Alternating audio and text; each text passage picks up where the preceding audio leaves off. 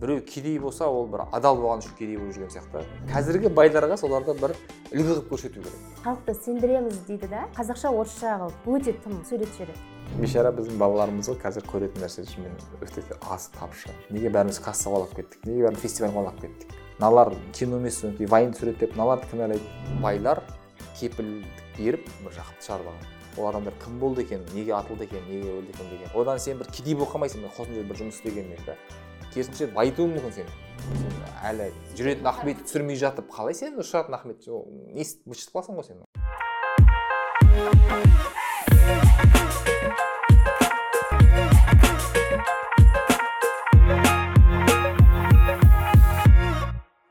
Армысыздар тыңдарман армысыздар көрермен. Бүгін подкасттың бүгінгі қонағы ә, режиссер сценарист ә, мұрат есжан абай жолы ұлт ұстазы оян қазақ сериалдарының авторы.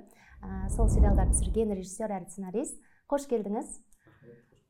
Ә, сізбен тілдескенімізге қуаныштымыз. Енді сізге ең алғашқы сұрақ. Осы алашорда дегенде неге ең бірінші осы міржақыптан ахметтен бастадыңыз сериал түсіруді? Енді бұл жерде бір атап айту керек. Бұл ал біз алашордаға кірістік деп бір бастап кіріскен жоқпыз біз. Бұл былай бір жағынан кездейсоқ бір жағынан ә, мақсатты түрде болған нәрсе. Ә, бұған алып келген бізді мына абай жолы деген проектіміз біздің. Ә, абай жолы ә, ол абайдың жүз жетпіс жылдығы қарсаңында жасалды. Хабар агенттігінің тапсырысымен. Ол жерде біз ә, абайға мұхтар әуезовтің абай жолы роман жазу процесі арқылы кіргіміз келді да. Сол бағыт таңдадық. Соның ішінде жаңағы көбірек сол оқиға көбірек сол мынау жиырмасыншы ғасырдың алғашқы кездерінде ортасында репрессия кезеңдерін қамтиды да. Мұхтар әуезовтің жаңағы абай романына дерек іздеп жүрген кезі оны баса алмай жүрген кезі цензураға ұшырағаны қудаланғаны соның бәрін жалпы процесс иә. Сол сөйтіп сол кезде бірақ оның ішінде абай да бар. Мен енді сол сол жобаны алғаннан кейін мынандай менде бір ой болды да егер осыдан осы бір биіктен осы бір мына ә, челлендж дейді ғой өтіп алсақ ол жерде совет кезеңі де бар ол кезде ә, мына революцияның алдындағы кезеңдер де бар ол жерде анау он тоғызыншы ғасырдың екінші жартысы абайдың өмір сүрген кезеңі де бар жаңағы киіз үйдегі атпен жүрген. Сол кезеңдерден ары қарай бір бір жол ашылатын сияқты болып өзіме көрінді да. Бірақ негізі өзім түпкі ойымда ахмет байтұрсынұлы ә, тұратын қашан қашанда да. Өйткені ол тұлғаға бір ерекше тәнті болатын. Ана өзі фильмде былай ғой адам өзіңе бір сұрақ болады. Сол сұрақты шығармашылықта басқаларда да солай шығар деп ойлаймын. Сол шығармашылықты әуелі өзіңе қоясың. Ә, соған жауап іздеп отырып соған жауап бере отырып жаңа дүние шығады. Сонда жаңағы саңғытовтың осының бәріне сіз қалай үлгердіңіз деген сұрақ ол менің сұрағым да негізі өзімнің сұрағым. Ә, сол мен ойландыратын қалай үлгерді қалай осының бәріне қабілеті дарын жет, жетті қажыры жетті деп. Ә, оны бір басында деректі фильм болатын шығар деп ойлап өзім мен алып жүрген бір идеям еді бірақ қазақстан телеарнасы осындай тапсырыс алған екен. Сондай өздерінің жобалары бар екен. Сонымен мен жаңағы ойыммен ол кісілердің жобалары сәйкесе кетті да сөйтіп. Осы тақырыпқа кірісе кеттік. Бұл жерде таңдау болған жоқ. Мен надан бастайын надан бастайын ал алашордадан бастайын деген. Ахмет ахмет бастап кеттік. А одан кейін бар жаңағы ары қарай ахметтен кейін өзі міржақыптың өзі ар жағы несі көрініп тұрды өзі. Ал енді барымызда қызығы ол сценарий жазу бұл жерде оңай болмаған көрініп тұр да. Өйткені қанша информация ана жерде біз білгеніміз бар бұрын ашылмаған тақырыптар болды деген сияқты. Осы ұлт ұстазы ахмет ұлт ұстазында ә, соны жазу процесс кезінде қанша уақыт сценарийді жазуға дайындыққа кетті? Алдын ала. Ал оян қазақта қанша уақыт кетті? Қалай дайындалдыңыздар? Енді уақытты айту қиын. Өйткені біз бізде жаңағы кинофонд деген бар ғой. Ә, сериал емес кәдімгі үлкен кино. Соған да ахмет ұсынсақ па деп ұшқын сайдрахман досымыз екеуміз ойланып жүретінбіз бір идеялар қарастырып жүретінбіз былай мына жағынан келуге болады мына жағынан келуге бола ма деп ә, сөйтіп ол жердегі бір былай моральдық дайындық сол кездерде болған сияқты да. Ал нақты біздің кірісіп ал міне деп кіріскеніміз ол наурыз айы. Сонда наурыз сәуір ә, мамыр біз сол жаздың басында бітіруіміз керек болған үш айдың ішінде. Бізде тағы да созылды сөйтіп осы не басталғанша тамыз басталғанға дейін біз сценарийді қырнай бердік қой. Ақпарат жаңа ақпараттар келе берді қоса бердік алатын ала бердік.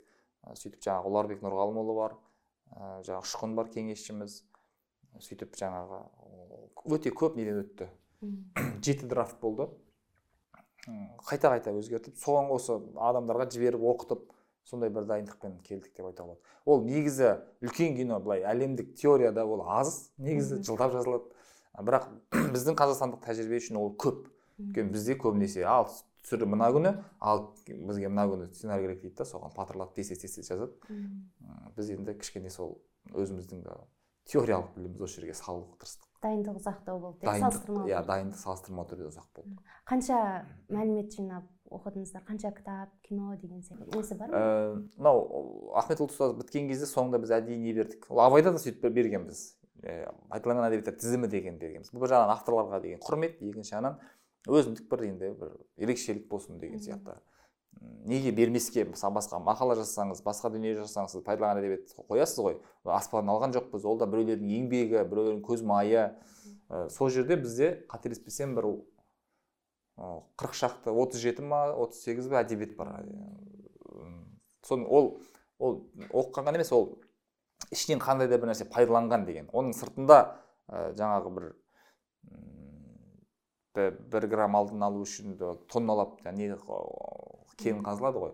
Ә, сол секілді ана жерден мына жерден әйтеуір ахмет болуы мүмкін деген жердің барлығын қарауға бір кітаптан кішкентай ғана информация болуы мүмкін иә бір кітаптан кішкентай ғана бір информация. Мысалға мен өзім бір қатты қуанатыным. Бір кітап болды енді қазір ұмыттым. Енді біз оқыдық оқыдық оқыдық соңына тақап қалды.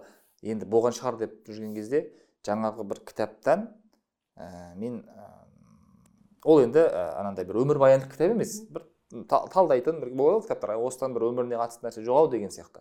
Сол оқып отқан кезінде ахмет байтұрсынұлы жиырма үшінші жиырма жиырма екінші жылы күзде неде ташкентте елу жылдығын жасап береді өзінің шәкірттері. Сол кездегі ахмет байтұрсынның сөзі бар екен ол мен басқа жерде кездестірген жоқпын. Сол сөз кейін сценарийге қосылып ахметтің елу жылдығын өзінің аузына салынды. Маған бір ұнайтын тұстарының бірі сол болды да мысалға. Сол жерде жаңағы ахметтің айтатын мен қарапайым ауыл қарапайым ғана мұғаліммін алған оқуым көп емес аз бірақ сол аз білімді қалай көптің пайдасына жұмсасам деп ой кешкен адаммын. Сендер де осыны істей аласыңдар бәрінің қолдарынан келеді мен соған сенемін деген ә, керемет сөз сөйтіп табылған мысалы иә. осы сөз демекші. Екі сериалда с- жаңағы мәтіндеріне байланысты бір ерекшелік байқадым.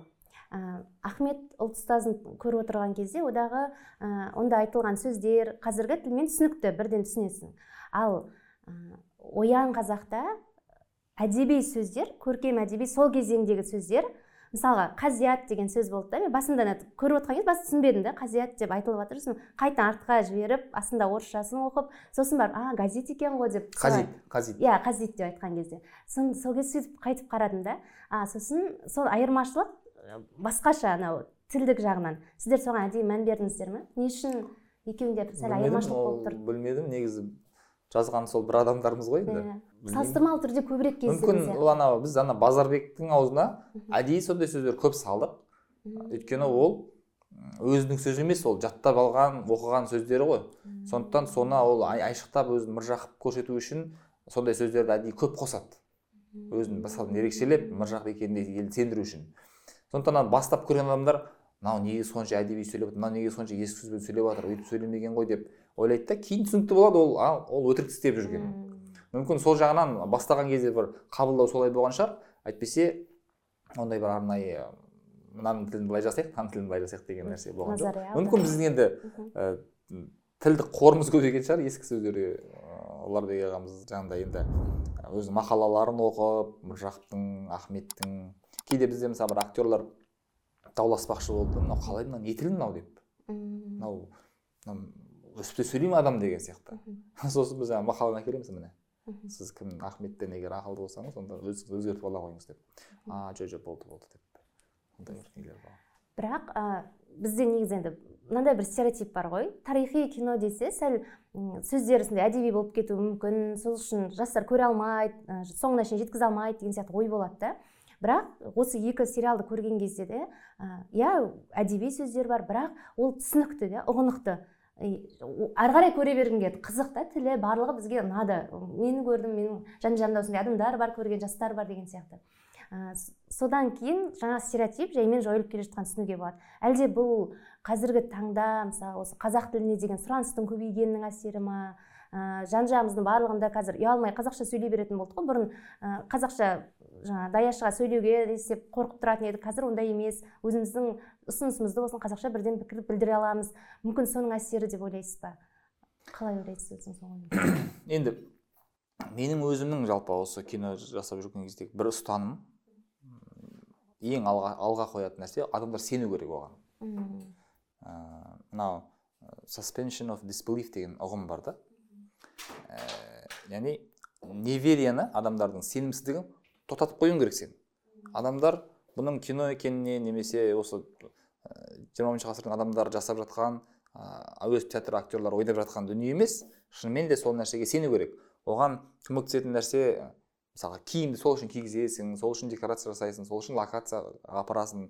Ә, енді сөйтіп тұрған кезде оның тілі не тым әдеби болып тым театралды болып адам айтпайтын сөздей болса немесе керісінше тым заманауи болса оның сол кезде болып жатқан адамдар біл- бірден жаңағы сенім сенімсіздігі күшейеді. Сол үшін біздің былай неміз қойған ә, мақсатымыз да сондай болды да ана сөз қарабайыр болмау керек бірақ қарапайым болу керек. Ол тым ә, бір адам айтуы мүмкін еместей болмау керек. Адам тап сол сәтте соны айтып тұратындай бір өте күрделі өте философиялық өте көркем шұбалаңқы құрмаластау болмау керек. Бірақ анандай тым жұтаң осы бізбен сіз сөйлеп жатқандай тақтық та болмау керек. Бұл енді тілі деген кезде біз ұларбек ағамыздың енді еңбегін қабілетін талантын айрықша атап кету керек та. Ол кісі жалпы өзі де сондай адам да. Ол өмірде де ондай ыыы жаңағыдай жай айтқан сөздерінің өздері сондай бір ыыы қалай айтса ауқымды болып тұрады. Сондықтан сол сол қабілеті сол кейде көрінеді. Және біз ана ана кісілердің сөздік қорларын аламыз бірақ дәл мақаланы аузына салмайсың. Өйткені ол мақала ол біреудің отырып ойланып жазған сөзі. Сондықтан ана айтып жатқан адам сол сол сәтте айтып тұрғанына адам сену керек. Және оны оны ахмет бір жақпай айтып тұрғанына сену керек. Сондай бір өте қиын ыыы тапсырма болды біздің алдымызда. Онымен жақсы ұларбек ағамыз жақсы ыыы иә, сәтті шыққан сияқты сәтті іске асырды деп ал енді жаңа сіз айтып отқан кезде ойыма түсіп отыр. Қазір кино біздің қазіргі кинода комедия болсын басқа болсын халықты сендіреміз дейді да. Ә, қазақша орысша қылып өте тым сөйлетіп жібереді қазақша орысша өйткені халық ол ә, қазақ таза қазақшаны түсінбейді. Ол өйткені олар ол өйтіп сөйлемейді ғой деген сияқты ой болады да. Осындай бір не болып қалады бұған көзқарасыңыз қалай? Негізі қазақша орысша деген Ә, бұл бұл қашанғы жалғаса береді деген сияқты нәрсе ғой. Ә, осы сұрақ мен, менің өзіме де былай негізі сұрақ. Мен біраз алдында посттарда жазып жүрдім. Өйткені бұрын мен бір, бір заманауи сериалға сценарий жазғанмын. Комедия. Сол кезде жаңағы тым ә, қазақшалаған кезде маған да сенімсіз болып тұратын да. Ә, уже просто деген сияқты бір сөздерді қосқым келіп тұратын. Бірақ былай қарап тұрсам ол бір оңай жол сияқты да. Ал негізі сәл кейінде кейде кейде байқайсың кейде байқайсың.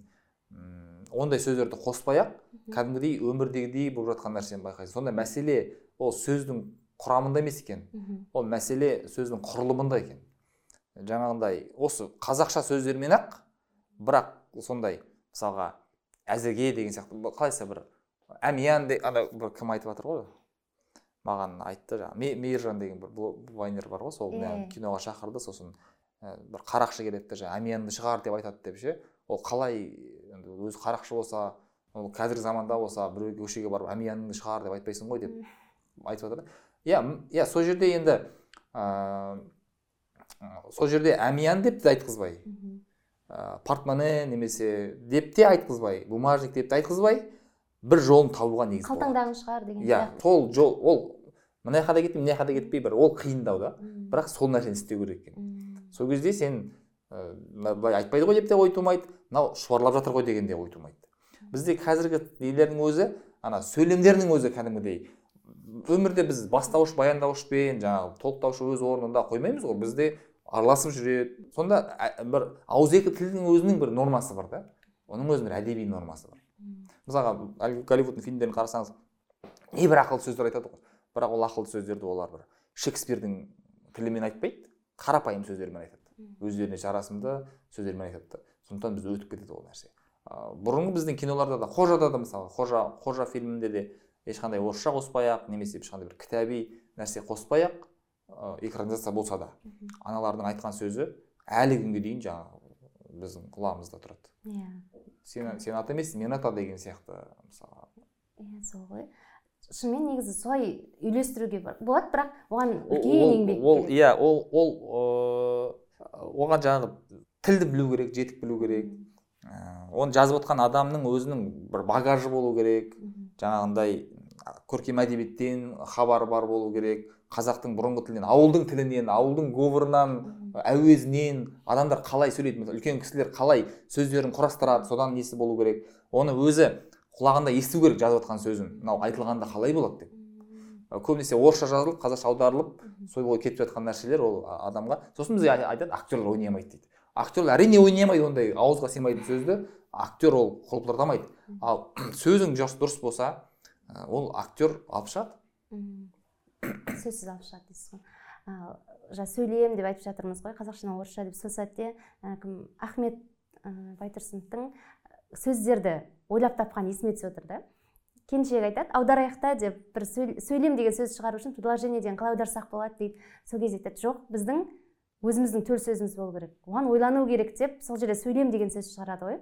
Негізі бұл нәрселерді біз кітаптан бұрын оқыдық. Бұл білім бар яғни оның жаңағы тілді сөздерді ойлап шығарғанын білеміз. Бірақ сол экраннан көрмегесін бізде визуалды түрде жаңағы аудио түрінде біздің есімізде қалмаған да. Ал ананы көргеннен кейін есімізде тұрады. Мына сөйлем деген сөзді ахмет шығарған деп андай миыңда тұрады да ол нәрсе. Тағы бір қандай осындай дүниелер болды деп ойлайсыз? Бір халыққа осы нәрсе жету керек еді? Сол жетті деп ойлайтындай. Бұл да жаңағыдай мен мен ойлайтынмын сол ахмет деген кезде бір кісі ауырып жатыр дейді ғой. Өзі қатты ауырып кәдімгідей хал үстінде жатыр. Сонда жаңағы өзінен өзі ай ақын одағай деген сөзді қайда тапты екен дейді да.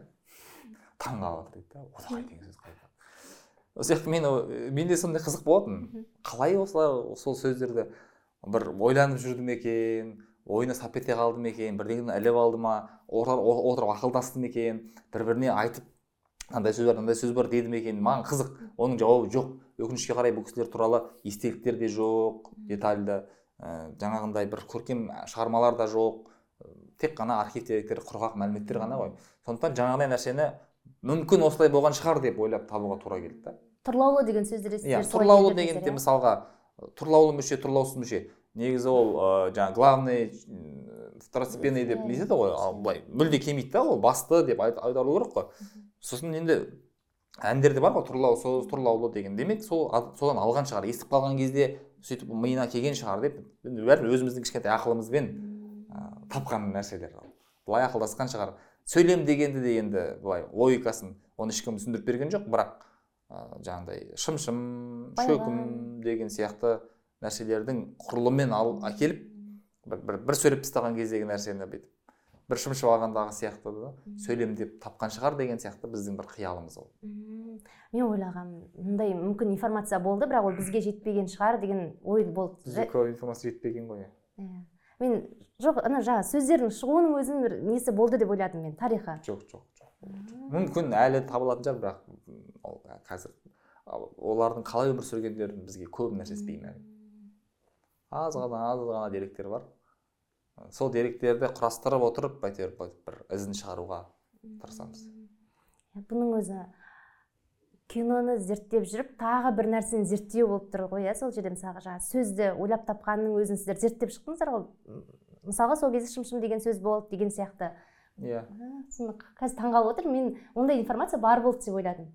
Шым жаңағы сөйлем деген сөздің табылуының өзінің информациясы болды бірақ ол бізге жетпеді деп сіздер соны тауып алды деп ойлағанмын. Ол ең бірінші жазылған, сахна сол болатын негізі. Ең бірінші ә деп бастаған кезде неден бастаймыз қалай бастаймыз деген кезде өзіміз карантиннің кезі неден өзіміз ауырып қалдық немен коронавирус. Коронавируспен сол изоляцияда жатып басталған солай Ә, таңқаларлық сосын осындай сәттер негізі өте көп детальдар ғой барлығы қарап тұрсаң бір кино сияқты көріп шығуға болады бірақ есіңде қалып қояды. Ә, әсіресе мынау ә, көзілдірікті көзілдірігім деп айтады ғой сол кезде басып сындырып кетеді ұстап алып бара жатқан кезде абақтыға. Сол сәт мысалы қарап тұрсақ ең керек заты ғой ол кісінің көзілдірік ең керек заты. Сол жерден жылағың келеді да мә деп не деген не деген оңбағандық деп сол нәрсеге болады сен жек көріп кетесің да оларды алып бара жатқан кезде. Сосын ә, тағы бір сәт болды. Ә, атқа міржақыптың киносында оян қазақта міржақыптың атпен күшті байланыстырасыздар. Ол сол жануарды жақсы көргенін ол кісінің жаңағы қиындық кезінде ол босанып қорасынан шығады ғой сол сәттер. Осындай нәрселерді негізі сіздер алдын ала дайындайсыздар ма? Мысалы осылай болу керек осы деталь ерекше болу керек деп әлде оның бәрі сценарий барысында өз өзінен пайда бола ма? Ол бағанағындай ғой бір бір бір фабуласы құрастырылады бір нәрсе жазылып кетеді сосын барып қайтадан бір кезде бір бір кішкене деталі қосылады деген сияқты. Бұл атты ә, біз сол жазып жүріп оқып жүріп сөйткен кезде ана қайсар әлімбек деген кісі бар. Сол кісімен кездестік бұл өзі сол бір жақыптың былай тікелей ұрпағы болмаса да бір рулас ағайындас ұрпағы жазушы. Сол кісінің міржақып өз кітабы бар. Гүлнар апайымыз туралы кітабы бар. Соның ішінде сол жаңағы нені айтады? Алакөз деген аты болғанын айтады. Гүлнар апайдың естеліктерінде де бар. Менің әкем жаңағы өз жаңағы атпен баратын жұмысқа сол кезде мен бірге ілесіп кетейінші деп сұрайтынмын. Біздің үйіміз жапсарлас тұратын жаңағы мына мына бөлігінде ахмет атекемнің үйі дейді мына жақта біздің үй дейді ахмет жаңағы фаэтонмен барады. Соның сол арбасының есігіне тұрғанына қарап үйінде үйінде емес екенін білеміз дейді. Әкем атпен атқа мініп барады дейді. Сосын әкем атпен бүкіл қазақстанды шарлаған адам дейді. Бүкіл атпен барған дейді бүкіл барған жеріне. Сонда атқа қазақтың жігіті біріншіден қалай болғанда да ол атқа атпен етеді екені ол түсінікті. Оның ішіне міржақып әсіресе өзі сондай былай жігітшілігі басым өзі қол бастаған әскери адам ғой бір жағынан алып қараған кезде. Сондықтан осы аттың несін енгіздік линиясын енгіздік ыыы жаңағы қоштасу сахнасында өлтіріп тұрып жазды. Ұларбек ағамыз өзі жылап жүріп жазды. Кейін бір бір күні осы түсірілім басталайын деп дайындық жатқан кезде ә, кім жазып жіберіпті ана ат жарып шықсыншы деп нені. Осыдан соңғы кейін ол болмаған ол жарып шығатын сахнасы болмаған. Ол тек қана былай шауып барату керек болған бірақ қалай шауып соның алдында жар, жарып шығу керек деген нәрсесін оны да енді біз ана спилбергтің жаңағы анау қайда анау? Военный конь ба? Сол фильм дегендей бір керемет қылып жарғанын елестетесің түсіргің келеді бірақ қол байлау оның бәріне мүмкіндігім жетпейді сосын әйтеуір өз шамамызша несін жарып шығардық. Бірақ әсерлі болды сол жер шынымен. Иә ол кейін бір өзінше бір өзінің рөл ойнады ол жерде. Сосын кім? Саңғыдов ұйықтап жатқан кезде масаның ызыңы сол сәтте қайтадан ахметтің сол маса өлеңін еске мысалын еске түсіреді өлең мысалын. Сол сәттер де бір ерекше болды да қарап тұрсақ сол сериалдың ә, серияның бөлімнің соңғы жағы ғой. Бірақ саңғытов ол онсыз да ұйықтай алмай жүрді ғой. Шынымен басында қатты қинап зерттеп жүрді. Соңында ахметтің бүкіл шығармашылығына көңіл ауды расымен соңында өзі де мойындайды ғой. Болды мен оны тергемеймін деп. И сол сәттерде оның масамен күшті келтірдіңіздер да масаның ызыңымен бұл сол адамды оятты деген сияқты қылып бұл да бір алдын ала ойластырылған нәрсе ма? Әрине әрине алдын ала ондай ойластырылмай нәрсе жасау мүмкін емес. Ә, кейде ғана болады бір адамдар өзің байқамаған нәрсені былай ғой деп айтып отыратын есімде жоқ. Ондайлар бар ол кезде бір мә шынымен деп күлеміз ал мына жерде иә ол маса. Маса линиясы өзі басынан бастап жүреді. Ана кішкентай ахметтің өзін жаңағы маса жыланнан құтқарады. Ол енді өзінің мысалы ғой жаңағы қойшы ұйықтап жатқан жаңағы қойшыны. Маса оятатын өзі мысалы.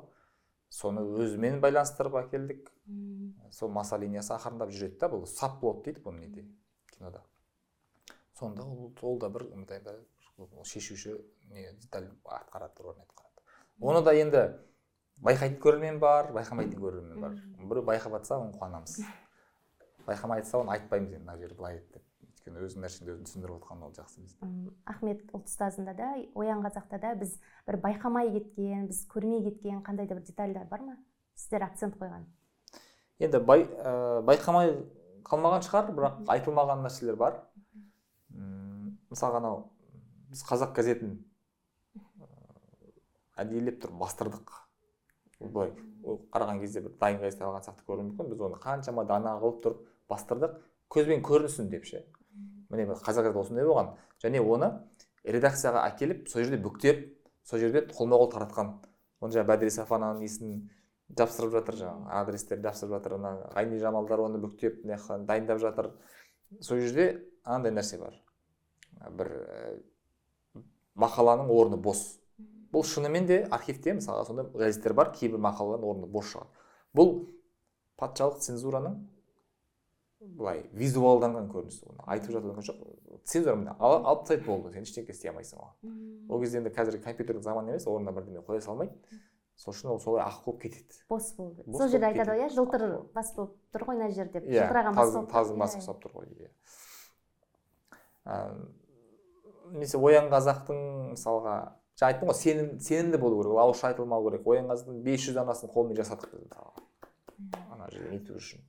Көріп көр ондай ондай жоқ ондай таба алмайсың соны архивтен алып оны түрі қандай болғанын алып ондай баспаларда жоқ қазір. Бірақ жерде бар алматыда ол қымбат.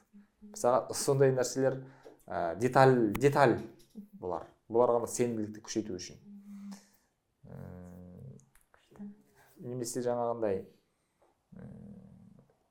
енді бір өзім бір өзіме бір акцент қойып ұнаған бір жер ана кім?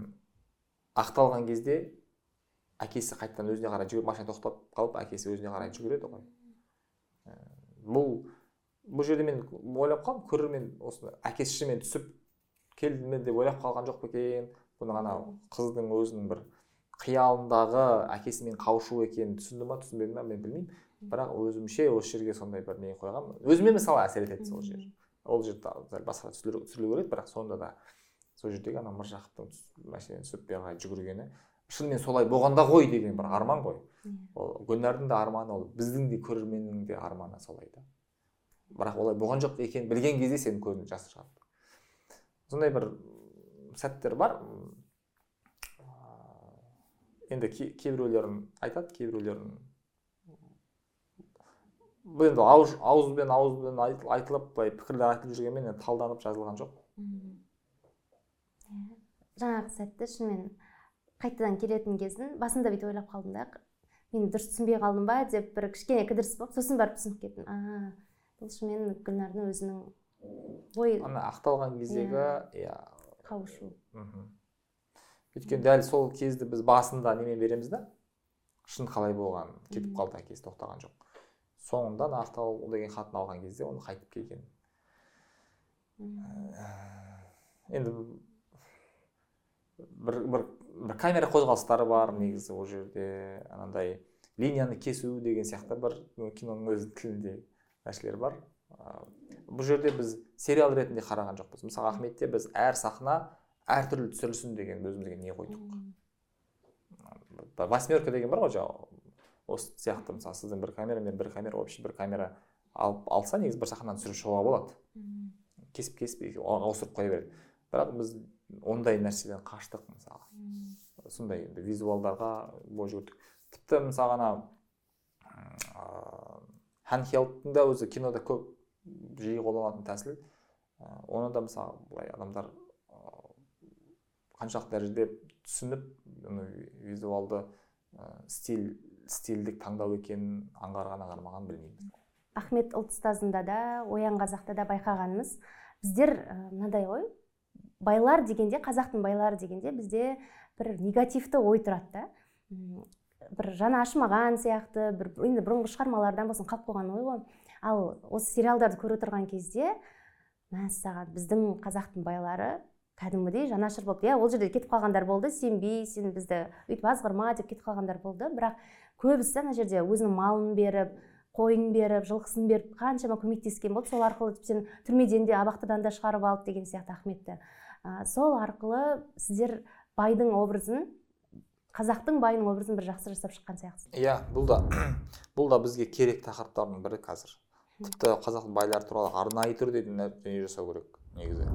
Ә, өйткені ә, байлар институты деген ол қазақ қоғамында үлкен рөл атқарған нәрсе. Тұлғалар ғой бұлар менеджерлер ғой былайша айтқан кезде.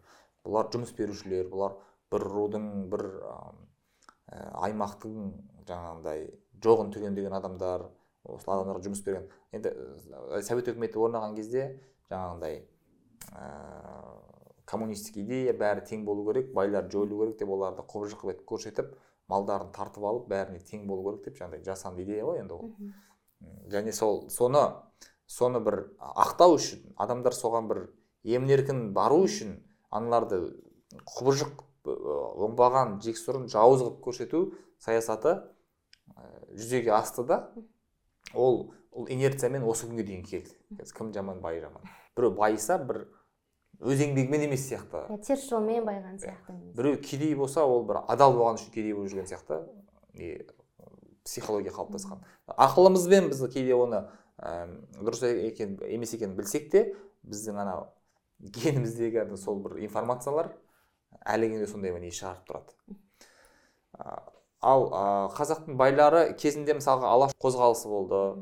Ә, алашорда жаңағы алаш партиясы құрылып алаш автономиясын жариялап алашорда үкіметін құрды. Ол алашорда үкіметінің өзінің бюджеті болды. Олар әскер ұстау керек болды. Олар ә, жаңағы жер жерде жиындар өткізді сайлаулар өткізді. Соның барлығына ә, ресурсты сол қазақтың байлары шығарған мысалға кәдімгі дерек бар он жетінші он жетінші жылы желтоқсанда екінші жалпы қазақ съезі өткен кезде алашорда үкіметі құрылған кезде әдеп бір бай 12 мың сом ақша береді. Мен аты жөнін ұмытып қалдым. Он екі мың сом ақша береді сонда біздің қазіргі бюджетімізде он екі мың сом ақша бар дейді. Ол енді әрине үлкен мемлекет үшін аз ақша бірақ сөйтіп басқалар да сөйтіп қосылады. Ә, сол мысалы білдей мемлекет сол байлардың мысалы қаржысына тұрған. Немесе жаңағы қазақ газеті шыққан кезде де жаңағы жер жерден жылу жинап байлар өздерінің қаражаттарын беріп сол арқылы газет шықты. Біздің мысалға баймұхаммед қосшығұлұлы деген кісі болған да. Қазіргі астанада ақмола сол жерде олардың қараөткел дейді ғой. Үлкен кәмпит тоқаш фабрикасы болған. Алғашқы кондитерлер. Олардың жасаған кәмпиттері ә, патшаның алдында сарайында апарылған. Ә, оның бір баласы ең алғаш қазақ даласына көлік айдап келді деген дерек бар. Ә, қаражан үкібаев деген кісі телеграф салдырған семейде. Мысалға абай журналы сарыарқа журналы газеті сол байлардың ақшасына шығып отырған. Сондықтан ол байлар институты дұрыс жағынан көрсету керек және қазіргі байларға соларды бір үлгі қылып көрсету керек. Қазірде біздің енді әртүрлі байдың байы бар ғой енді. Иә. Сол бір жауапкершілікті сезіп жүрген бай бар. Немесе басқан гүл болмасаң гүл бол деп жүрген байлар да бар болуы мүмкін. Солардың бір ішкі нәрсе ішкі несін жаңағы ішіндегі бір ұшқындарын оятатын болса ол біреуге бөліп бер деген мәселе емес. Бірақ осындай ұлттық мәселе мүдде тұрғысынан жаңағыдай бір ғылым білім жағынан солар қалай бір әрекет етті сондай бір әрекет ететін болса ол да бір үлкен иә ол да бір үлкен былай бір қозғалыс болатын еді.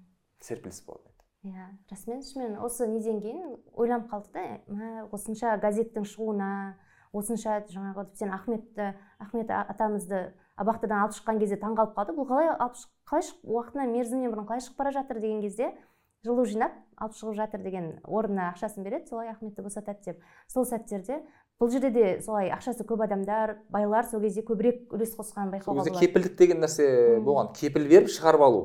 Ана құнанбай фильмінде барақ құнанбайға кепіл беріп құнанбайды шығарып алады ғой.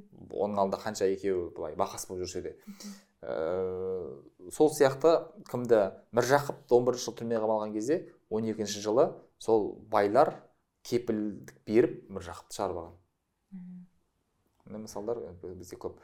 Ә, немесе жаңағындай ә, әлихан түрмеде жатқан кезде барып жаңағы түрменің қасына бие байлап қымызын апарып етін апарып ыыы неткен байлар болған жаңағы жағдай жасаған байлар болған. Негізі көп нәрсе назар аудартады сериалдарда. Сондағы ә, мінез құлықтары да соған мән беріп отырасың. Мінездері қалай өзін ұстап тұр. Мысалға ахмет атамыз өте сабырлы болғанын байқауға болады. Өте сабырлы. Ә, сен ә, жаңағы мұхаммедиярды қуып шығып жатқан кезде де сырт киім беріп жібер деп ана қыстыгүн ғой тоңып қалар деген сияқты жанашырлығын сондай байқауға болады да. Қанша өзін сатып кетіп тұрған адам ғой соның өзіне жанашырлық танытып тұрады. Ал міржақыпты да мен сабырлы сабырлы міржақып атамызды да сабырлы екенін қатты сабырлы екенін байқауға болады. Өйткені қандай бір қиын кездер бар. Сөзбен шағып сол жерде ә, шап беріп шығуға болады. Бірақ олар менің ойымша артында халықты ойлап тұр да. Ертең артық бірдеңке айтып немесе сөйлеп қойса мына жерде артында халыққа зиян тиетінін біліп тұр. Сол үшін кішкене болсын ойланып сөйлеу жаңағы дипломатиялық қарым қатынас деген нәрселерді сол кісілер қатты меңгерген сияқты және ол сериалда ашыла білді деп ойлап отырмыз да. Мінез құлқы басқасы болсын. Ал жалпы сол мінез құлқын сіздер алдын ала барлығын ойластырасыздар ма? Осылай болу керек деп. Әлде сценарий жазу барысында пайда болды ма? Бұл кісінің несі? Негізі образ осындай екен деген сияқты нелер енді бір адамның мінезін ә, сипаттайтын бір ауыз сөз болады кейде.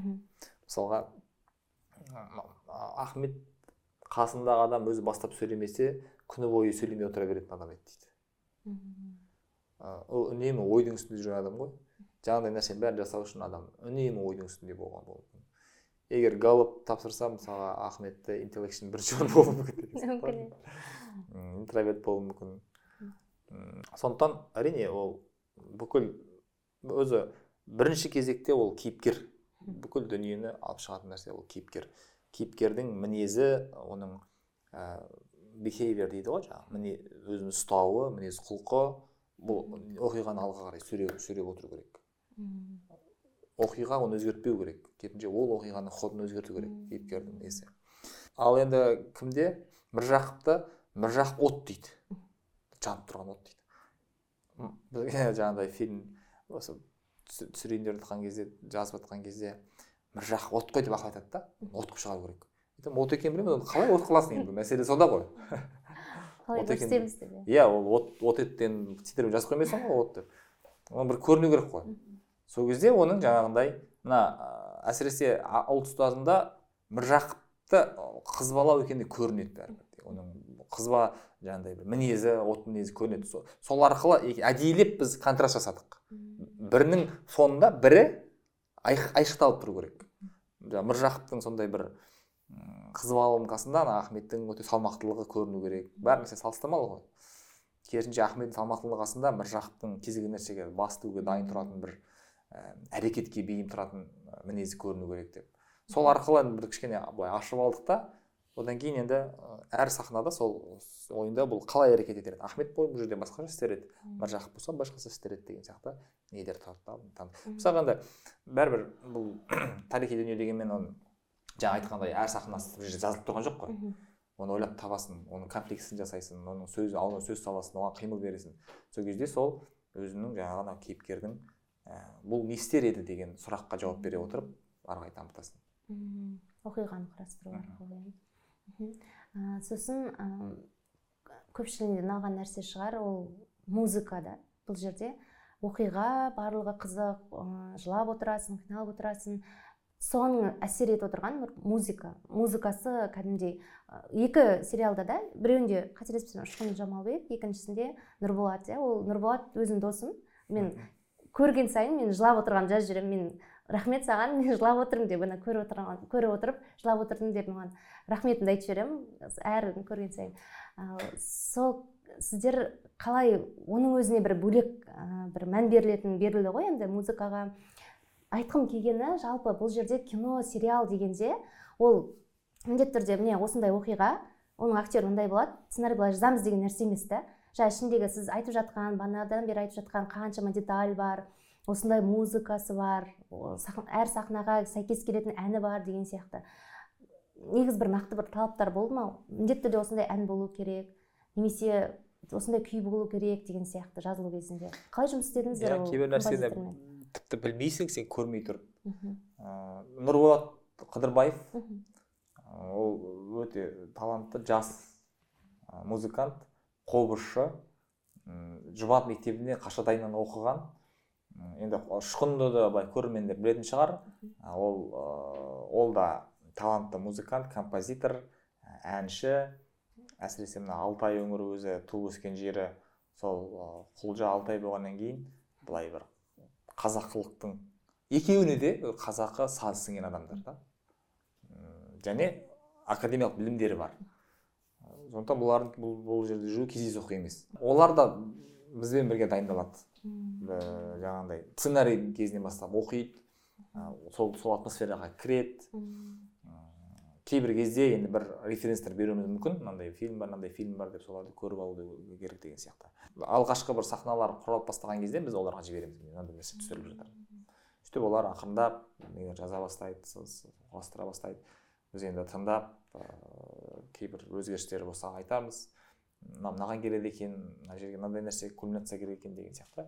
Солай ақылдасып отырып жұмыс істейміз ең соңында жаңағы музыка үстіне қоятын кезде кәдімгідей бірге тізе қосып монтаж монтажер бар бәріміз отырып ақылдасып отырып жасаймыз. Мына жер мүмкін музыкасы кету керек.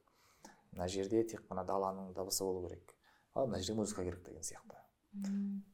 Және біз андай қазақы екен деп те тек қана күйлерді немесе бір қазақ аспаптар емес мына бәрібір қазіргі қазіргі заман адамының қабылдауы басқа ғой. Олар классиканы тыңдаған қазіргі жазды блюзді тыңдап жүрген адамдарға солардың талғамына да сәйкесетіндей бір сол ә, қазақы дыбыстарды заманауи мүмкін бір элементтер ә, қосып элементтермен беруге тырыстық. Қобызды мысалға неде көбірек қостық? Бір жақта. Иә иә. Қо- қобызды бірақ мен айттым нұрболатқа сен қобыз ойна бірақ қобызды жаңағыдай ықылас дүкеніңді қорқыт емес. Кәдімгі басқа аспап ойнап отқандай скрип- скрипка ойнап отқандай ойнашы. Сонда қобыздың үнімен мына мына бір әдіс тәсілдер үйлесіп басқа бір нәрсе шығатын шығар деген сияқты. Домбыра домбыраға да байланысты да сондай. Керісінше анау европалық аспаптармен қазақ ойнашы дегендей бір сондай бір шамамыз келгенше бір комбинация жасауға тырыстық иә ол үннен де байқалатын сияқты естіп отқан кезде. Ал- мысалы андай бір кульминациялық момент сәттер болады ғой жаңағындай. Сол кезде ана қобызды аңыратып оны бір сабалап ойнаған кезде басқаша бір пайда болды. Иә әсер етеді. Енді біздің бүгінгі отыз бірінші мамыр біздің сұхбатымыздың уақыты осыған сәйкес келген екен. Бүгін саяси қуғын сүргін құрбандарын еске алу және ашаршылық күні деп атап өтіледі. Ал осы жерде кей жағдайда бір сұрақтар болады да. Неге екі күнді былай қарап тұрсақ екеуі де екі бөлек дата ғой негізі. Сөйтіп аталу керек деп ойлайды. Сіздің көзқарасыңыз қандай? Екеуін біріктіріп ашаршылықты да саяси қуғын сүргін құрбандарын да осылай атап өткен дұрыс па еске алып өткен. Әлде әрқайсысына бөлек күн беру керек пе? Оны ойланбаппын енді. Бірақ осы осы бір күннің өзін бір бір тиісті деңгейде атап өтіп мәселе тек ресми дәрежеде атап өту емес адамдар соны сезінетіндей жай қарапайым көшеде кетіп бара жатқан адам ә, бір күн болса да енді бір руханият төңірегінде жүрген адамдар немесе тарихшылар оны ешқашан ұмытпауы мүмкін. Ол күн ол күн болмаса да ә, жаңағындай тиісті дәрежеде сол сол нәрседен сабақ алып немесе ә, соған бір ой жүгіртіп жүруі мүмкін. Ал көшеде кетіп бара жатқан адам осы күн осындай күн екен осы күні осыншалық адам қырылған екен осындай адамдар атылған екен. Ол адамдар кім болды екен неге атылды екен неге өлді екен деген бір ойға түссе соның өзі аз емес негізі. Бір күннің өзін бір біз жақсы бұқаралық сипатқа ие қылар алсақ бұл жердегі мақсат жалпы жалпы осы біздің жасап жүрген ісіміздің барлығы негізі тарихи сананы ояту ғой ол біздің жаса, біздің ахметті білген білуге біз мұқтаж емеспіз. Қай жыл туды қай жыл қайтыс болғанын ұбт да болмаса біз өмірімізде қажет болмауы мүмкін. Немесе ол адамдар біздің еске алуымызға мұқтаж емес. Бірақ мәселе содан алатын бір сабақ содан алатын мүмкін мотивация мүмкін бір өзіңді өзің қайрау деген сияқты пайдалар ғой. Ахмет мынаны істепті мен не істедім деген сияқты бір сұрақтар тууы керек та.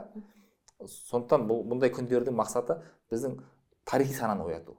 Тарихи сана оянып біз мынандай біз кімбіз жалпы? Кім болдық? Қазір кімбіз? Енді қай жаққа бара жатырмыз деген сұрақтарға жауап ала алсақ ы, бұл нәрселердің бәрінің мақсаты осы деп ойлаймын мен негізі. Иә осы сериалдарды көрген кезде жаңа сіз айтқандай мә мен не істеп жүрмін?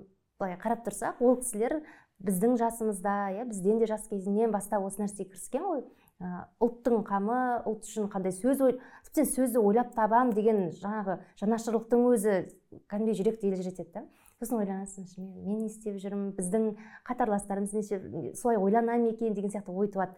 Және мотивация деп айттыңыз ғой ә, ахмет атамыздың екі ақ сағат ұйықтап жұмыстан кейін қайтадан оянып келіншегі оятады ғой Тұр, тұрыңыз ұйықтап қалдыңыз деп. Ертерек оятпадың ба деп сол екі сағат ұйқыны қандырғаннан кейін қайтадан кітап жазу процесіне кірісетіні. Қайтадан бәрібір ол кісілерде жаңағыдай қалай осының бәрін үлгерген абақтыда жүрді қалай үлгерген деп ойлаймыз. Бірақ сол кісілердің ұйқысын қиып осы нәрсені істегені шынымен мотивация болатын сияқты. Қазір енді мотивация деген сөз трендте ғой жастардың барлығы біледі. Ә, кез келген дүниеден мотивация алуға болатынын біледі. Бұл сериалдан сол кісілердің еңбектерін көріп отырып ақ мотивация алуға болатын сияқты. Тағы да бір сондай бір тұстары болса немесе болашақта мынандай бір тұлғаның ә, осы нәрсесі арқылы мотивация берер едік деген сияқты бір ой бар ма сізде? Бір болашаққа бір жоспар ретінде? Иә өзі қазір қазір тіпті мотивацияның өзінде әртүрлі қарастырып жатыр ғой бұл мотивация деген тез сөніп қалатын нәрсе деп. Тез сөніп қалатын нәрсе. Иә уақытша ұшқын деп иә. Ұшқын. Ә, бұл жерде қазір миссия дегенді ұсынып жатыр мысалы қазіргі психологтар болсын қазіргі ә, сол саланың мамандары. Әсіресе данияр жігітбек мысалы соны өте жақсы айтып жүр. Онымен ол туралы да сөйлестік. Жалпы адам өзінің миссиясын тапқан кезде ол ол сөнбейді. Ол бітіп қалмайды. Ол жеттім ғой деп қалмайды деген сияқты. Бұлар өз миссиясын тапқан адамдар ғой. Сондықтан оларға бір мотивация стимул ондай нәрсе керек болмаған. Бұл ахметтің жаңағы екі сағат ұйықтайтыны ол бар дерек шынымен де. Гүлнар апайдың кітабында тап солай айтылған жұмыстан келеді. Енді гүлнар апайдың көргені бұлардың ә, мына совет өкіметі орнап жұмысқа орналасып орынборда кәдімгі тұрған кездері ғой. Сол жұмыстан келеді. Содан кейін жаңағы бір екі сағат мызғып алады да қайтадан тұрады да жұмыс істейді дейді. Сонда өзінің жұмысынан тыс ол әдебиет таншықты жазып жүрген болуы мүмкін. Жаңағындай терминдердің бәрін құрап жаңағы дамытып жүрген болуы мүмкін. Әдебиет біз көбінесе мына тіл біліміндегі терминдерін айтамын бірақ әдебиет танытқышта кәдімгі әдебиет теориясына өнер теориясына қатысты қаншама мысалы ойлар бар ғой оның ішінде. Солардың барлығын сондай екі сағаттық ұйқымен жасап жүрген болуы мүмкін да жасап жүрді ғой енді анық нәрсе сосын жаңағы ана сөз енді қашан қай, кезде де айта берсең де ескірмейді. Ана біреу айналам жаман дейді қоршаған ортам жаман дейді тұрған жерім жаман дейді оның бәрі бос сөз түрмеде де жұмыс істеуге болады деген сөз. Ол енді былай уника, уникальный сөз да. Ол біз сондай қазір әсіресе біздің көп сылтауымыз сондай ғой жаңағыдай анаған жағдай жоқ мынаған жағдай жоқ. иә уақыт жоқ. Білмеймін. Көп не жасаймыз ғой мысалы бір саябақ тіпті керек болса саябақта отырып жұмыс істеуге болады кім мысалы саябақта отырып жұмыс істеп жатыр мысалы офис жоқ деуіміз мүмкін үйде андай мынандай деп айтуымыз мүмкін да себеп те сылтау да табыла береді иә ана кісінің сөзі ешқандай себептің қабылданбайтынына бір дәлел дәлел да иә расымен содан көргеннен кейін жаңағыдай көрген адамдар өзі сөйтіп ойланған шығар деп ойлаймын не істеп жүрік деген сөз бәрібір бір миға келеді да ойға оралады не істеп жүрік деген сияқты. Мысалға ана міржақыптың бұлар съездер өткізеді он жетінші жылы. Сол кезде жаңағы омбы съезін жасайды да омбыда сосын атпен ә, жаңағы атпен арбамен семейге қарай кетеді. Сол кезде жаңағы өзі жетпей жатып бір мақаласы сол съезд туралы сарыарқа газетіне бір мақала қазақ газетіне шықты дейді да. Сонда ол қалай жазды қалай жеткізді? Андай барып алып асықпай жазайын деген емес аттың жаңағы аттың жалы түйенің қолында жүріп мақала жазып соны неге шығарып сөйтіп жұмыс істеді ғой олар адамдар редакцияда болған жоқ бір бізде қазір редакцияда болу кабинетімізде болуы мүмкін бірақ олай жұмыс істеп жатқан болуымыз мүмкін. Бәрі сол миссияға ойға иә. мотивация деген не сол миссияға солардан солардан енді қарап адам енді бір өзіміз өзіміз қамшылауымыз керек шығар деп ойлаймын. Біздің мақсатымыз да сол негізі. Негізі түпкі осыларды жасаған кездегі мақсат әйтеуір өзімізді қамшыласақ басқалар да соны көріп бір өздеріне өздері бір жігерленіп бәрін сілкіп тастап ал деп бір кіріссе деген сияқты ой ғой. Ал сіздің миссияңыз не? Өзіңіздің алға қойған жетелейтін мен енді бір миссия мынандай деп бір пафосты сөз айтудан аулақпын бірақ анадай бір ой түйдім да өзіме жалпы қай бір жаспен сөйле мүмкін біздің ортамыз сондай ма? Қай бір жаспен сөйлессең бәрінің көкірегінде бір нәрсе бар да негізі. Бірдеңе жасау керек бірдеңе істеу керек деген ше бірдемеге жету керек деген. Бірақ әрқайсысы ә, кейбіреуіне сенімділік жетіспейді. Кейбіреуіне еңбекқорлық пен пунктуальность жетіспейді. Кейбіреуіне жалпы не істеу керек екенін табу жетіспейді. Сөйтіп көп адамдар жаңағыдай бір тіршіліктің бір несіне көміліп қалып жатыр да. Күнкөріс деген сияқты. Ә, негізі ол қай қайсысы болса да істеп жүргеннен артық бірдеме істей алады. Соны бір оятса деп ойлаймын да соны бір бір бір бірімен біріктіріп жіберсе бірінің жаңағы жетпей жатқан жерін бірін толықтыратындай қылып бір дәнекерлеп жіберсе соларды оятып жіберсе соларға сенім беріп жіберсе деген сияқты сондай бір ойым бар оның қа- ол ниетім сондай. Ә, оны мүмкін кинолар арқылы мүмкін осындай сөздер арқылы мүмкін жүзеге асатын шығар. Бір ә, сол нәрсе жетіспей жатқан шығар деп ойлаймын мен. Өйткені қол жайып неге билік жастарға көңіл бөлмейді неге қазаққа бүйтіп қырын қарайды неге ана жаққа не бөлінбейді мынаны қашан істейді деген сияқты қылып жылап отыратын адамдарды мен ұнатпаймын жанын жек көремін ондай адамдарды жылай қазір бір жылайтын заман емес ойымша иә өзінің бір күйі үшін жыласа болшы бірақ бір ел үшін күңіренгендей болып отырып жылайды да жаңағы неге неге бізде анандай жоқ неге бізде мынандай жоқ. Сен жаса соны жоқ нәрсені.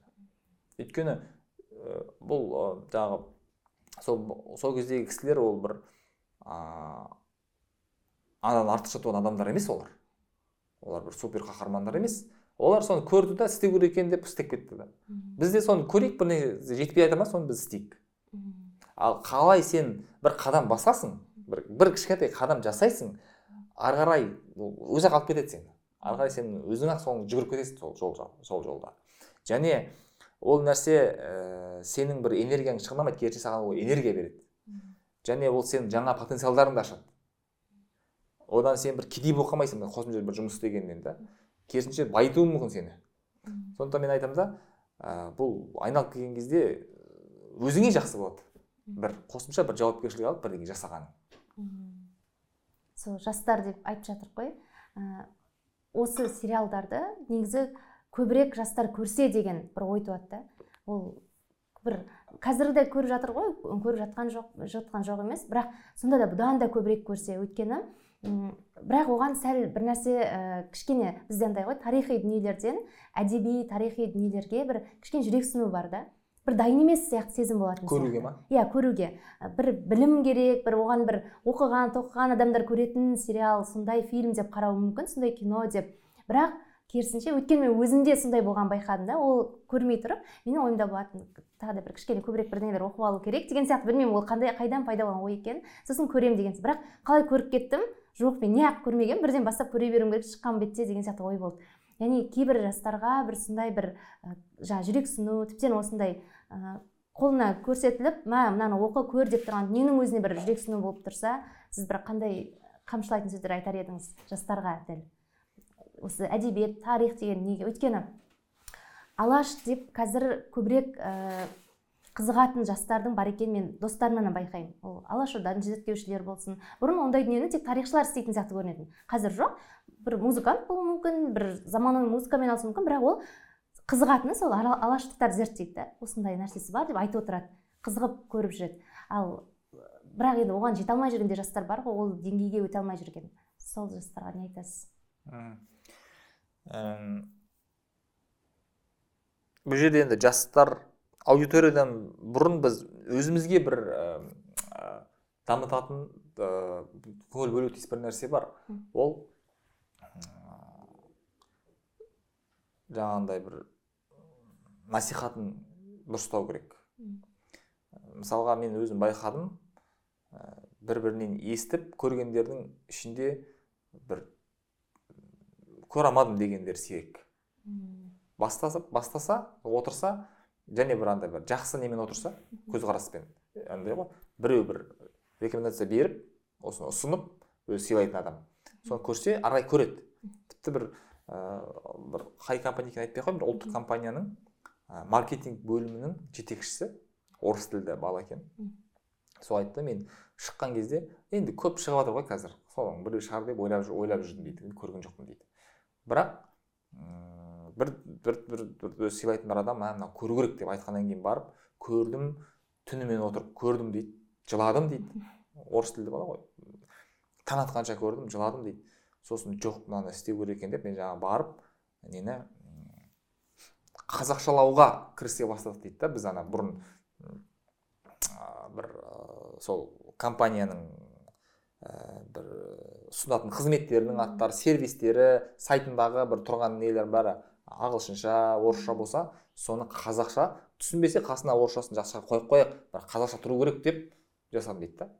Екінші бір көзқарас бар мен келіспейтін көзқарас ол мына нәрселер жастарға ыңғайлап жасау керек дейді да.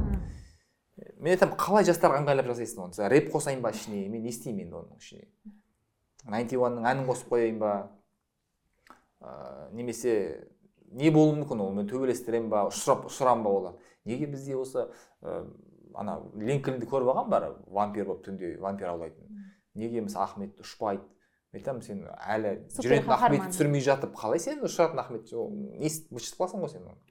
Ол бір ғана шетелдік бір фильм соны мысал қылып аламын. Жоқ ол қалай сөйледі бәрі солай болу керек. Оларды бір жастар түсінікті болсын деп ә, сен бір жасайсың қазір. Сосын не оны жастарың да көрмейді не үлкендерің көрмейді ә, не мынаны сыйлайтын адамдар да көрмейді далада қалады. Керісінше кәдімгі мына талғамды соны білетін немесе үлкен жастағы кісілерге жасалу керек. Керісінше жастарды соған әкелу керек. Сонда ғана ол нәтиже береді. Бірақ енді оны жасағаннан кейін мәселе оларға жеткізудің жауапкершілік бізде. Аналарға алдына апар қазір қызықтыра білу. алдына апарып бермесең көрмейді. Қазір а деп қанша жерден былай айтқанмен ә, ол адамның алдына шығу керек және ол оған деген бір сенім пайда болу керек ода. Мына бір дұрыс нәрсе екен деп осыны көруім керек екен деп. Сол жағы жетіспей жатқан шығар деп ойлаймын. Бізде көптеген фильмдер бізде жалпы маркетинг деген нәрсе жарнама пиар деген нәрсе өте нашар. Әсіресе мына қазақ тілді өнімдерде өте нашар. Үлкен фильмдер шықса да жаңағындай сериалдар шықса да ол ол, ол кәд- кәдімгідей қаржы бөлініп тұрып істелетін нәрсе ғой кәдімгідей құлшынып тұрып істелетін нәрсе ғой. Арнайы мамандар арнайы бөлімдер жасалатын нәрсе ғой бірақ бізде ол жағынан өкінішке қарай үлкен фильм болса да телесериалдарда болса да жаңағыдай көрерменнің алдына апарып міне деп көзіне шығып көрсететін маркетинг жоқ. Тек қана сол сарафанное радио бірінен бірі Иә. естіп қана тарап тарап жатыр. Иә жаңа сіз айтып жатсыз ғой супер қаһармандар не шығармай солай қылып шығару керек еді ахметті деп айтты деп. Былай сияқты егер ахмет байтұрсынұлы жайлы міржақып дулатұлы жайлы өте көп бізде база бар болса фильмдерден сериалдардан ол кезде болады. Иә. Иә бізде де мынандай Иә. толып кетті ғой. Ол жиырмасы бар отызы бар. Енді супер қаһармандар шығарайық десе ол кезде болатын сияқты бұл иә идея. дұрыс айтасыз. Бірақ оған жетпей тұрып біз супер қаһарман жасап иә сіз айтқандай иә оны жас көрмейді иә үлкен көрмейді. Сонымен қалып қойса және оны сапалы қылып та шығара алмаймыз иә ол ол да бар. Ол кезде шынымен іске аспай қалатын сияқты. Жастарға ыңғайлау деген мен түсінбеймін. Ол жастарға ыңғайлау деген білмеймін. Ол қалай сонда? Ол моделін ешкім айта алмайды. Бірақ бірақ сын айтады. Мынаны жастарға лайықтап түсіру керек. Ол түсінбей қалатындай сөз жоқ деп ойлаймын. Ол жастың жастар бір тіл тіліне келіп тиісетін болса егер тілін түсінбейді дейтін болса көріп шықтым ғой ондай сөз жоқ бәрі түсінікті. Керісінше қызығасың да солай сөйлегің келіп кетеді деген сияқты ғой. Бір қызығып мә осылай да сөйлеуге болады екен ғой негізі бірақ біз олай сөйлемейміз ғой қазір біздің тіліміз қазір басқаша болып кетті деген сияқты. Керісінше жастарды жаңа сіз айтқандай тартатын болса ол кезде тілге деген де құрмет ол әдебиетке тарихқа деген де құрмет одан сайын арта- артатын еді деп ойлаймын. Сосын ә, осы жерде тағы бір есіме түсіп отыр. Ә, сіздің осы жақында ғана ә, сіздер сөйледіңіздер ғой презентация жасап осы алматыда қаласында. Мен өзім барған жоқпын бірақ барған кісілердің маған көрсеткенмен көріп алдым да сіздің сөйлегеніңізді. Сол жерде сіз бір осы сериал көргенге байланысты кейс айтқан екенсіз бір отбасы жайлы. Соны өзіңіз айтып беріңізші мен айтып не істемей ақ қояйын бір от- отбасының көшіп келуі жайлы. Иә бір отбасы ақшта тұрып жатқан м, балалары сол жақта дүниеге келген ә, кәдімгідей ә, табыс тауып аяққа тұрып ә, жайлы өмір кешіп жатқан адамдар ғой былайша айтқан кезде. Олардың қазақстанға кел- келе- келу келмес келгеннен гөрі келмегені өздері үшін жақсы бір жағдайда жүрген. Бірақ өзіміз бірақ іштей бір нәрсе мазалап жүрген дейді да осы дұрыс па балаларымыздың былай андай материалдық болашағы үшін ақш жақсы рухани болашағы үшін бәрібір өзінің елінде болған өскені жақсы деген сияқты әрі сәрі күйде жүрген кезде ол ахметұлы ұстазын көрдік дейді да сосын ойланған жоқпыз кетеміз деп айттық. Сөйтіп қазақстанға көшіп келдік те ол мен өзіме айтқан со- солай деп. Нақты бір аспаннан алып жатқан нәрсе емес. Сондықтан бұл бұл да жаңағыдай мен сол презентацияда айттым бұл бұл бір, керемет жасалғаннан емес кемшіліктер өте көп ақ бірақ бұл сол ана адамдардың еңбегі сол ахметтің сол міржақыптың сол керемет жасаған еңбегінің нәтижесі деп айтуға болады әлі де беріп жатқан жеміс деп айтуға болады оны. Біз тек әйтеуір соны барынша қолымыздан келгенше әйтеуір жеткілікті жеткізуге тырыстық. Қолжетімді қылып жеткізуге тырыстық. Иә қызық мен естіген кезде таңқалдым мә қалай ол сол сериал әсер етіп келу деген? Біздің мына жерде отырып эмоциямызды айтқанымыз ол ойнамай қалды ғой деген сияқты болды да. Ол көшіп келуге деген итермелеу ол күнде бір басқа бір қалада тағы бір жігіт сөйледі. Сол құзырлы мекемеде істейтін жігіт айт- айтып жатыр да. Сондай бір заңсыздықтың немесе коррупцияның шеті шыққан сәттерде ана кісілер ойыма түседі дейді да. Соны ұяламын дейді.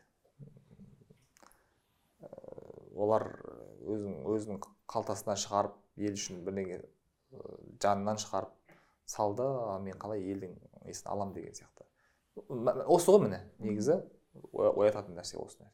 Иә сөйтіп әсер ете алу дейсіз Иә. ғой. ал енді көбіне оң пікір естіп жатырсыз деген ойдамын бұл сериалдар жайлы бірақ қандай да бір сыни пікір көз- көзқарастар болды ма? сыни тұрғыда айтылған.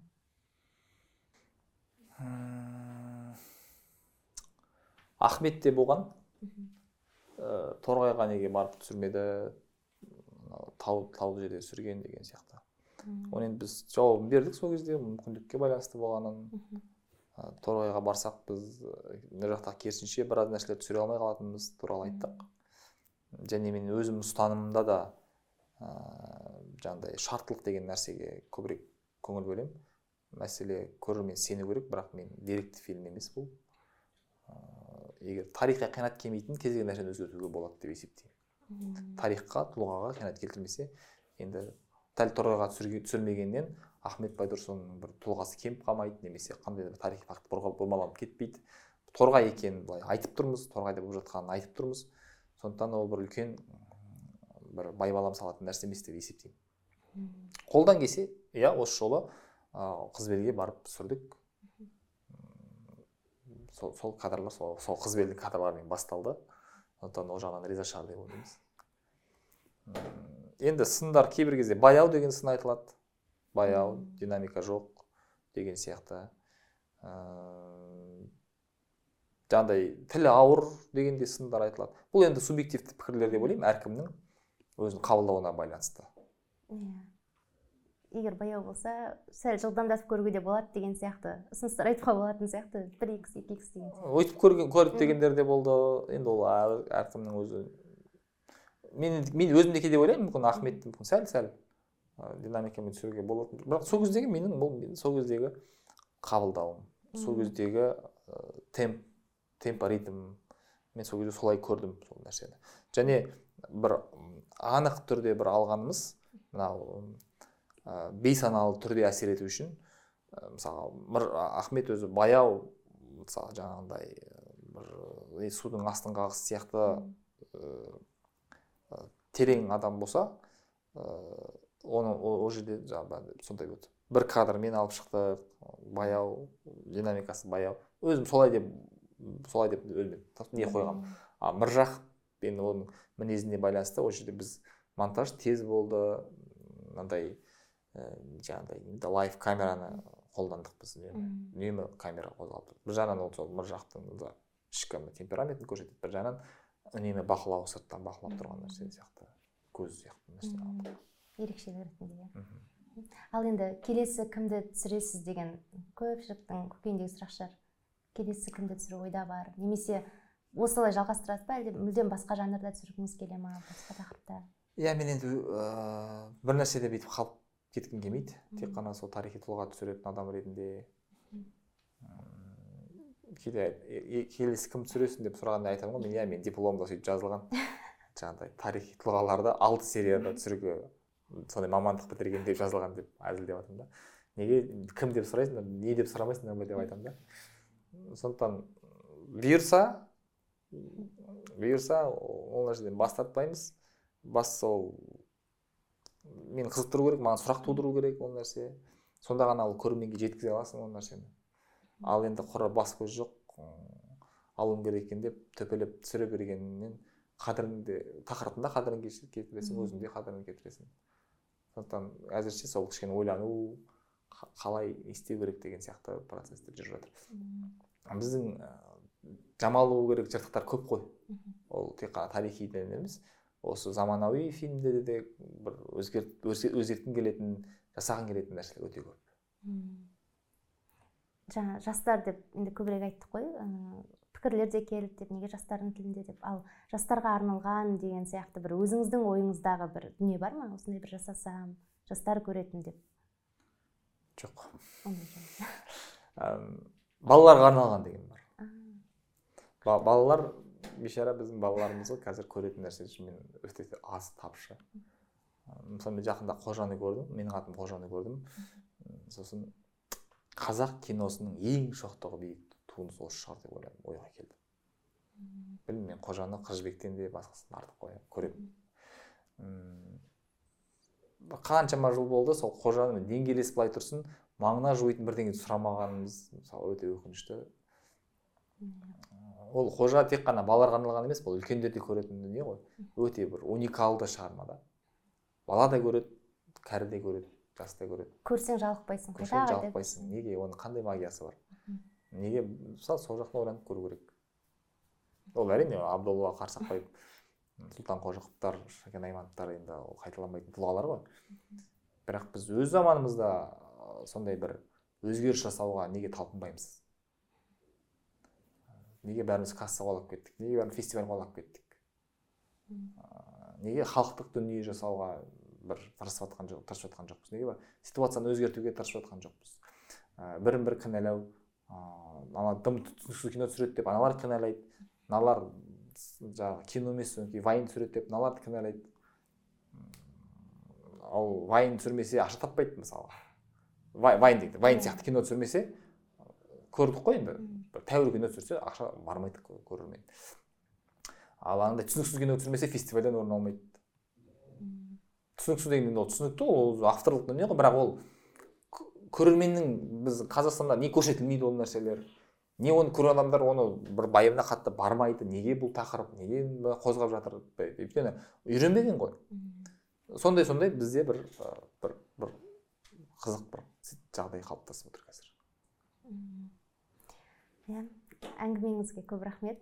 Ііі, расымен і, киноны талқылай отырып біраз дүние айтылды деп ойлаймын. Ііі, және көпшіліктің ойындағы сұрақтар қойылған сияқты і, сіз де соған бір жауап бере алған сияқты болдыңыз. Ііі, сізге көп рахмет. Шығармашылық табыс тілеймін. Егер қандай да бір айтып бір соңын қорытындылаймын десеңіз. Енді жалпы бұл, сериалдар туралы көп өте көп айтып жүрміз. Бір жағынан қысыласың көп айтып кеткенге. Бұл әрине енді бір мінсіз керемет дүние деп айтпаймыз. Өзінің кемшілігі бар әттеген айлары көп ә, басқаша болса басқа жасар едім деген нәрселер бар. М, бірақ енді мына адамдардың сол тұлғаларға деген сағынышы сол кезеңге деген ә, солардың еңбектеріне деген бір құрметі арқылы да әйтеуір осы дүниелер бір көптің аузына ілініп жатыр. Мақсатымыз өнер туындысы дегеннен гөрі бұны бір құрал ретінде бұны біреу оқулық деп қабылдайтын шығар. Біреу м, деректі фильм деп қабылдасын. Ма- айырмашылық жоқ. Қалай болғанда да әйтеуір сондай бір ішіндегі нәрсені түртетін дүние болса деген ғана ой біздікі. Рахмет уақыт бөліп келгеніңізге сізге шығармашылық табыс тілеймін. Біз халық сүйсініп көретін осындай дүниелеріңіз көп болсын деп тілеймін. Келесі кездескенше сау болыңыздар.